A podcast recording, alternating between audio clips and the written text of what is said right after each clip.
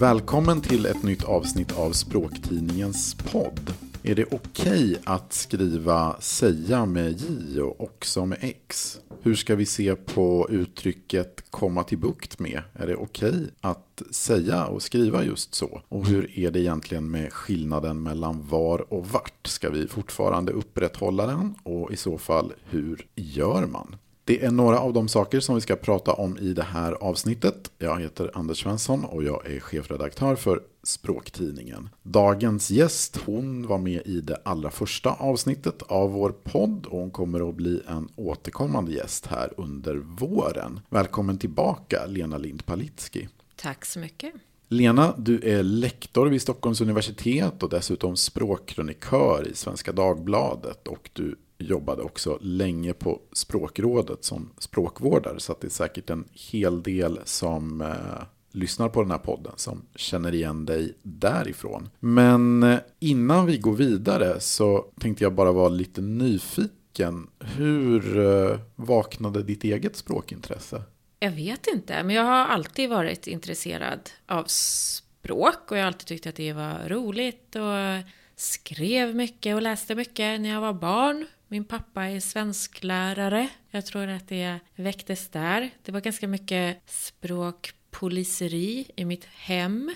Jag vet inte om min pappa blir ledsen om jag berättar det, men han brukade rätta min mammas handlingslistor med rödpenna och så. Det är ganska roligt. Och taskigt. Så jag fick liksom ett tidigt ett intresse just för så där rätt och fel i språket och så. Sen har ju det här intresset blivit någonting annat, tror jag, efter att jag har jobbat väldigt mycket med språkvård och, och är språkvetare när man utbildar sig och så. Att nu är jag mer intresserad av det här med att vi försöker rätt hitta varandras språk och varför gör vi det och vad är det ett uttryck för och varför är vi så obenägna att ändra vårt språk och tycka att vi själva har rätt och andra har fel och att det är så pass viktigt så att vi måste liksom klanka ner på andra människor och sådär. Så det tycker jag är väldigt eh, spännande att klura på. Vad, vad hade din pappa, hade han några språkpolisiära käpphästar som du minns?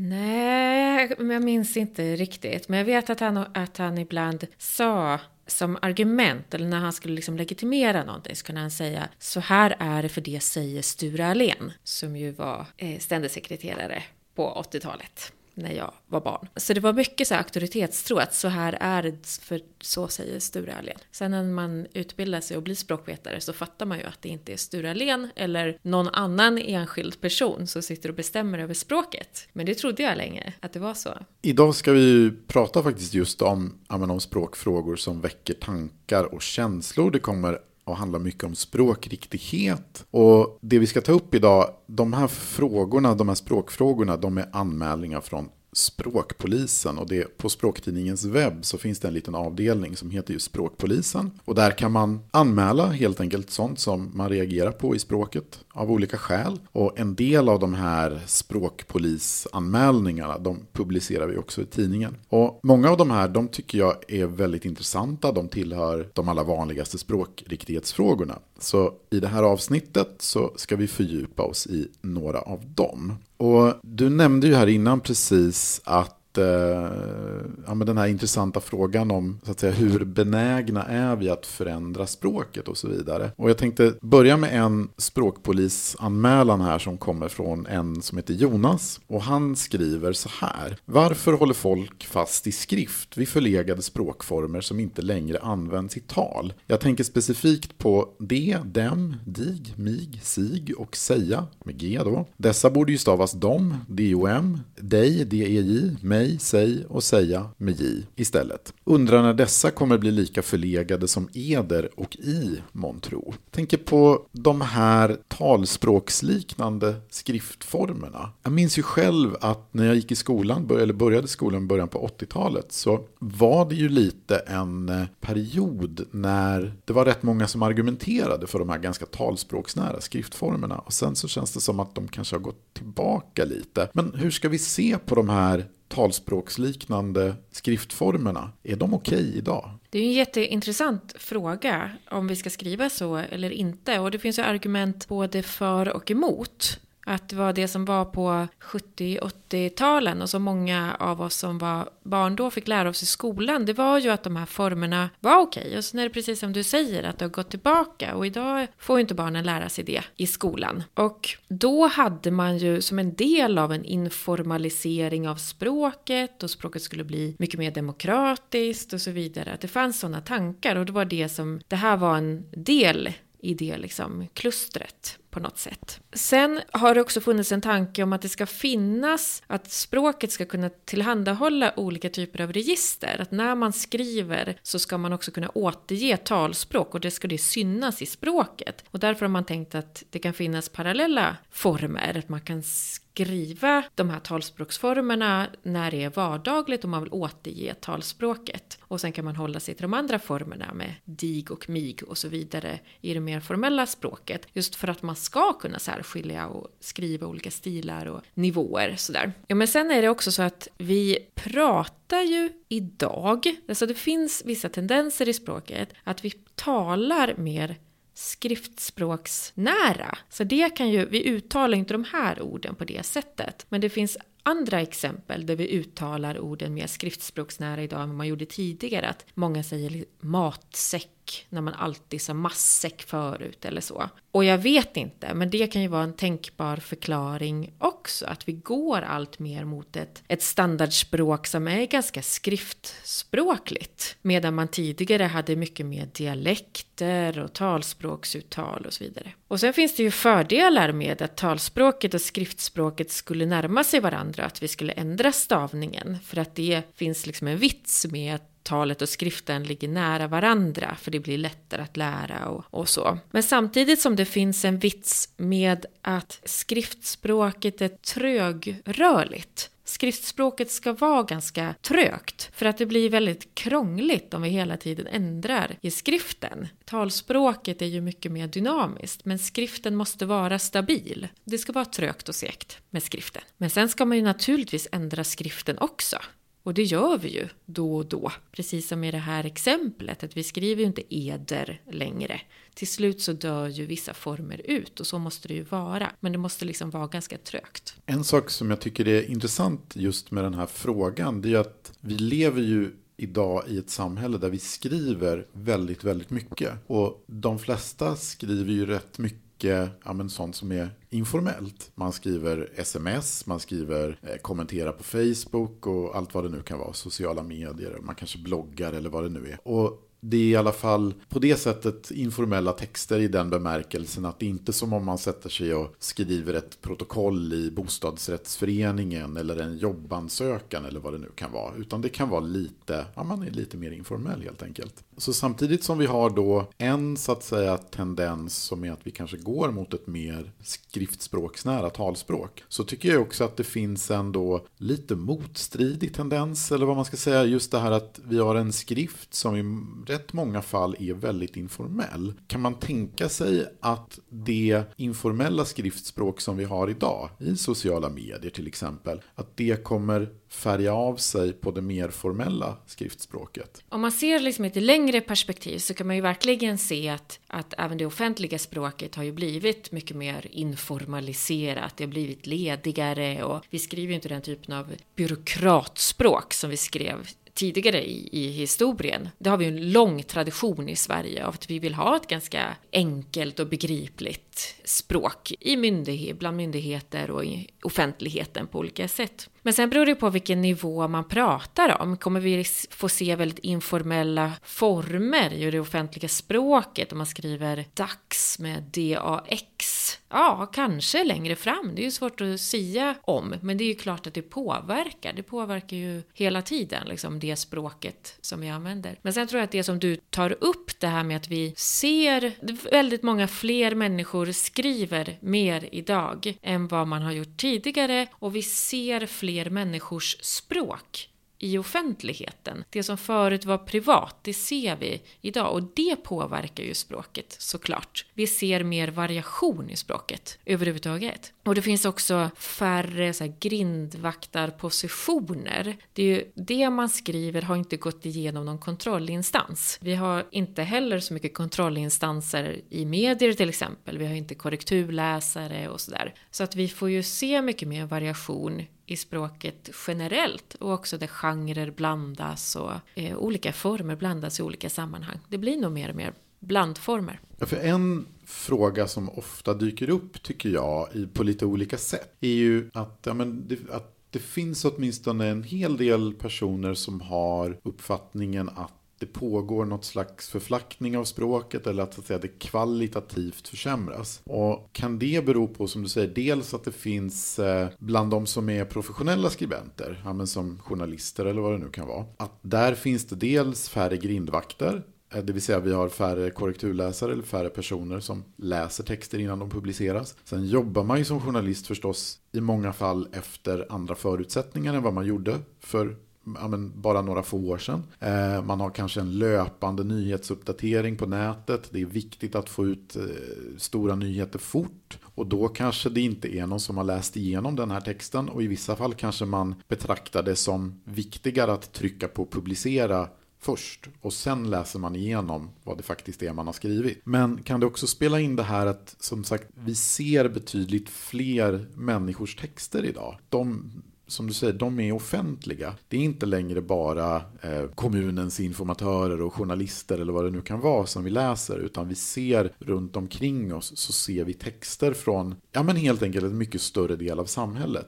Alltså, kan det bidra till den här känslan då som vissa har, att språket har försämrats? Ja, men det tror jag. Att vi ser mer variation. Vi ser mer olika typer av språk i offentligheten som inte har gått igenom någon kontrollinstans. Jag tror att den här variationen har ju funnits hela tiden, men vi ser den mer i offentligheten. Och jag tror att det kan bidra till, att, till den känslan. Samtidigt som vi ska komma ihåg att äldre generationer har alltid tyckt att de yngres språk är sämre än den egna generationens och att det var bättre förr. Precis som med allting annat, man tycker att musiken och kläderna och, och så också var bättre förr, så är det med språket och så har det alltid, alltid varit. Så både och är det väl. En sån här språkpolisanmälning som jag tycker själv var intressant och som också lite sätter fingret på det här. Det är en som heter Peter som skriver. Och han skriver vad gäller en lite nymodighet i språket som han själv inte är så förtjust i. Så skriver han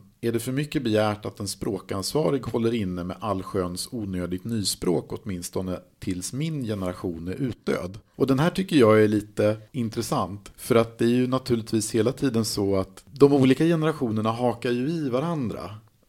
Och Eh, som jag nämnde här tidigare, när jag gick i skolan så var det då, betraktades det som korrekt att skriva SEI, SEI till exempel. Hur ska man se på den typen av eh, kritik mot dagens språkbruk? Är vi fast i någon slags, vad ska man säga, guldålderstanke om när man var liten? Eller vad handlar det om? Liksom, finns det en guldålderstanke kopplat till när man själv lärde sig, ja, gick i skolan och lärde sig vad som ansågs som rätt och fel? Ja, men det är ju precis så det är. Att man utgår ju från sig själv och den egna normen och den egna språkkänslan som ju är inlärd. Språk är ju någonting som vi har lärt oss. Vi har lärt oss vad som är ett bra och dåligt språk och rätt och fel och korrekt och inkorrekt och lämpligt och olämpligt och så vidare. Och det man själv har lärt sig, det tycker man ju är bra. Det är den norm som är korrekt för en själv. Och sen kommer det andra människor från andra generationer och har en annan inre grammatik eller språkkänsla. Och så krockar ju det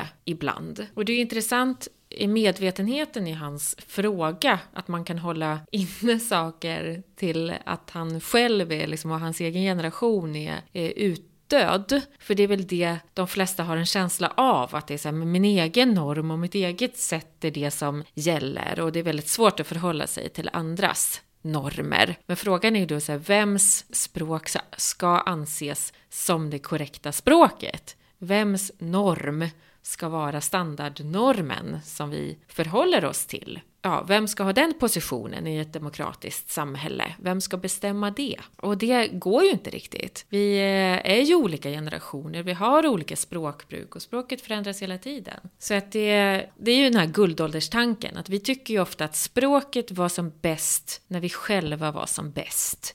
eller när vi själva lärde oss normen. Precis som vi ofta tycker att den musik vi lyssnade på när vi var kanske mellan 15 och 20 skulle jag säga. Det är den som är bäst fortfarande, eller hur? Erkänn. jag kan inte säga nej. En sak, men just i den här frågan som jag själv tycker är väldigt intressant. Det är ju att ja, när man börjar lära sig normer för språket när man går i skolan och är då, ja, men liksom, det börjar ju redan på lågstadiet. Så får man lära sig vad som betraktas som rätt och fel. Och då får man lära sig att inom matematiken så är 1 plus 1 112 och så vidare. Men mycket av det som är de knivigaste språkfrågorna idag, det kan ju vara ja, men till exempel den här preposition plus dom plus som. Ska det vara av dem som eller av det som? Eh, där kan betraktas det ju för övrigt som okej okay att säga både och. Men, men man har ju vuxit upp med att någonting är rätt och det andra är fel. Men jag undrar, finns det någon, så att säga, är det här en pedagogisk miss? För jag tror att när man går i skolan så får man lära sig att det här är rätt och fel på samma sätt som att 1 plus 1 alltid är 2 inom matematiken. Att skriver man 1 plus 1 är lika med 3 så är det tydligt fel. Skulle man kunna vara tydligare i pedagogiken här, att språkets regler förändras med tiden? Jag tror att man måste i skolan, i alla fall när barnen är ganska små, jobba med den här typen av pedagogiska lögner. Det måste vi göra. Det, det, finns ju den här klassiken om att man i skolan får lära sig att man inte ska börja en mening med och. Det får alla skolbarn lära sig. Min egen dotter kom hem för något år sedan och sa också så här, man får inte börja en mening med och. Och då får ju jag hålla i mig. Därför att det är självklart att man kan börja meningar med och. Det kan till och med vara jättebra ibland och ett stilistiskt medel och så. Men i skolan när man ska lära sig språket, då måste man ta till den typen av pedagogiska lögner för att få barn att lära sig att sätta punkt och stor bokstav och eh, veta vad som är en huvudsats och bisats plats och, och sådana saker. Och utmaningen är ju att sen lära om eller att nyansera det som är eh, det som man har lärt sig är sådär rätt fel när man var liten. Så på hö i högre stadier och högre åldrar då måste man ju börja liksom luckra upp det här och börja diskutera och säga att det finns ju naturligtvis väldigt många undantag och nyanser och det är inte svartvitt, för språket är aldrig svartvitt. Och problemet blir ju när man håller fast väldigt hårt vid det här. Men det är ju en pedagogisk utmaning. Men jag tror också att man måste jobba just med pedagogiska lögner. Det kan man ju jämföra med andra saker i livet som man lär sig. Om man ska lära sig att måla så kanske man lär sig en teknik väldigt tydligt och veta att det här är det som ingår och så här måste man göra. Och sen när man väl har lärt sig så inser man ju att man måste inte alls göra på ett visst sätt. Man kan verkligen nyansera och göra på andra sätt och utmana och så vidare. Ju mer man kan om någonting, desto fler nyanser ser man ju. En eh, sån här språkpolisanmälan, det är Rosmarie som skriver, för att anknyta till det vi pratade om tidigare. Hon skriver så här. Sax bör användas strax när man ser också och dags båda då stavade med X, i brev och bloggar. Jag föredrar också OCKSO och DAGS, DAGS. Vad tror du om de här, vad ska vi säga, informella formerna också och dags skrivet med X? Har de framtiden för sig? Alltså de är ju ett sätt att leka med språket och har ju funnits länge. Och det är klart att det är svårt att uttala sig om, men det är klart att ju mer vi ser dem och om de också börjar användas i lite mer formella sammanhang så kanske det är så att det blir de formerna som blir gängse om många år. Det kan jag tänka mig. En av de allra vanligaste språkriktighetsfrågorna idag är ju var och vart. Så här skriver Per-Åke Eftersom jag är från Göteborg så kan jag bidra med en historia. Det är grabben som befinner sig på Nils Eriksson-terminalen och ska åka till Mölnlycke. Det är 18 hållplatser i terminalbyggnaden så han har svårt att hitta rätt hållplats. Han har dock turen att det kommer en busschaufför som han tycker att han kan fråga. Ursäkta, men vart går bussen till Mölnlycke? Busschauffören ser häpen och förvirrad ut men han svarar till Mölnlycke som sagt en av de vanligaste språkriktighetsfrågorna. Och man ser också ganska ofta att det blir fel på var och vart. Hur skiljer vi på var och vart egentligen? Om man vill skilja på var och vart så kan man ju tänka på vad som är svaret på frågan. Om man säger var, var ligger affären? Så kan man alltid svara där. Och om det är vart så är svaret dit. Vart är du på väg? Dit. Mm. Så så skiljer man på det. Sen kan man ju fundera, det är ingen slump att det här är en Göteborgs historia. Det är lätt att göra sig lustig, men de exempel där det faktiskt blir missförstånd skulle jag säga i nästan samtliga fall är påhittade i det verkliga livet så har jag aldrig i alla fall varit med om det och blivit ett verkligt missförstånd för att man inte har kunnat skilja på var och vart. Men det här är ju verkligen Ibland pratar man om inlärd irritation. Man har lärt sig att irritera sig på något. Och det här är någonting som människor har lärt sig att irritera sig på. Sen kan det ju finnas en vits att kunna den här skillnaden, för det kan, den finns ju också på vissa andra språk. På spanska säger man donde, adonde till exempel. Medan det finns vissa andra språk som inte har den här skillnaden. I engelskan till exempel gör man ju ingen skillnad. Och det klarar man sig alldeles utmärkt ändå. Så att om man tänker att språket framförallt är ett medel för att kommunicera och att vi ska förstå varandra så är inte det här världens största fråga. Du sa om man vill göra den här skillnaden. Språkvården rekommenderar ju fortfarande att man skiljer på var och vart tydligt så. Känns det som, med tanke på att det här är en rätt knepig språkfråga, åtminstone i bemärkelsen att det är rätt många som gör fel. Tror du att den här rekommendationen att skilja på var och vart, kommer den att hänga kvar en längre tid eller tror du att den hänger lite löst? Jag tror att det kommer att vara en rekommendation som kommer att hänga löst inom Ja, nej, det är svårt att, att sia om. Och man vet ju inte heller om det är så att människor gör fler fel idag på det här. Eller om det är så att vi alltid har haft den här variationen. Det vet vi inte riktigt. Vi har också dialekter i svenskan där man absolut inte gör den här skillnaden när man säger vars eller så. Så det har ju väldigt länge funnits en variation. Och det är ju också typiskt för de här klassiska språkriktighetsfrågorna så är det ju ofta så att det har funnits en variation oerhört länge. Och så ganska ofta så är det så att språkvården har då velat städa upp i den här variationen och rekommendera den ena formen framför den andra. Och det lyckas man ju bara delvis med, för liksom variationen lever ju ändå kvar. Apropå eh, variation, någonting som jag själv får en hel del mejl om faktiskt. Eh, en fråga som dyker upp rätt ofta. Det är, ja, vi låter Thomas skriva här. Komma till bukt med respektive komma till rätta med sammanblandas ofta. Det heter få bukt med respektive komma till rätta med. Och så har vi en som heter Görel som skriver i ungefär samma ämne. På senaste tiden har jag flera gånger träffat på den något kryptiska formuleringen komma till bukt med i tidningstext. Allt färre verkar vilja få bukt med ett problem eller komma till rätta med en svårighet. Är det bukten som ställer till det? Undrar Görel. Jag har själv kikat lite på det här och man kan ju konstatera att komma till bukt med, ja det är rätt vanligt. Det är fortfarande så att få bukt med är lite vanligare, men man ser komma till bukt med, ja men även som sagt ofta i tidningar och sådär i texter som ändå är rätt formella.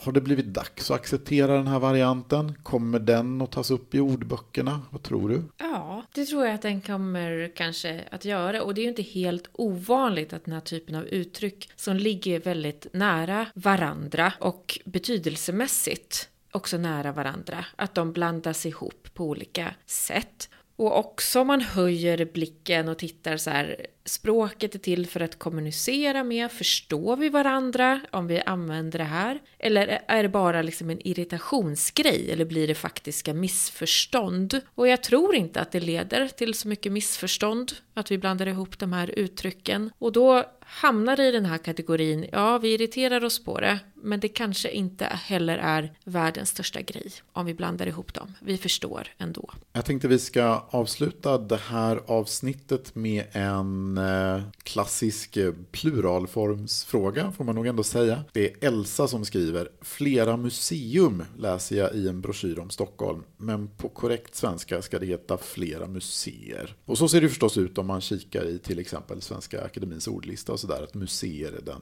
pluralform som anges. Varför är det en hel del skribenter som tycker att den här pluralformen av museum är knepig? De här typerna av latinskt böjningsmönster som det är på museum. Museum är knepigt på många sätt. Det är knepigt för att människor sätter ut en accent på museum eller framförallt kanske på museer. Man rekommenderar ju också museiverksamhet om det är en sammansättning. Och det här är ju inte det gängse eller vanligaste böjningsmönstret som vi har i svenskan. Och om man tittar på andra ord som slutar på um, som forum till exempel, där är det ett forum, flera forum. Så vi har det mönstret. Och då är det inte jättekonstigt att vi placerar in även museum i ett sånt mönster, för vi har ett sånt att placera in det i. Och då tror jag att man blir osäker. Och det är också så att tidigare så har vi ofta hanterat de här orden enligt latinska böjningsmönster. Vi har sagt ett forum, flera fora, ett schema, flera schemata. Att vi har böjt det enligt latinet. Och det rekommenderas ju inte, i första hand i alla fall,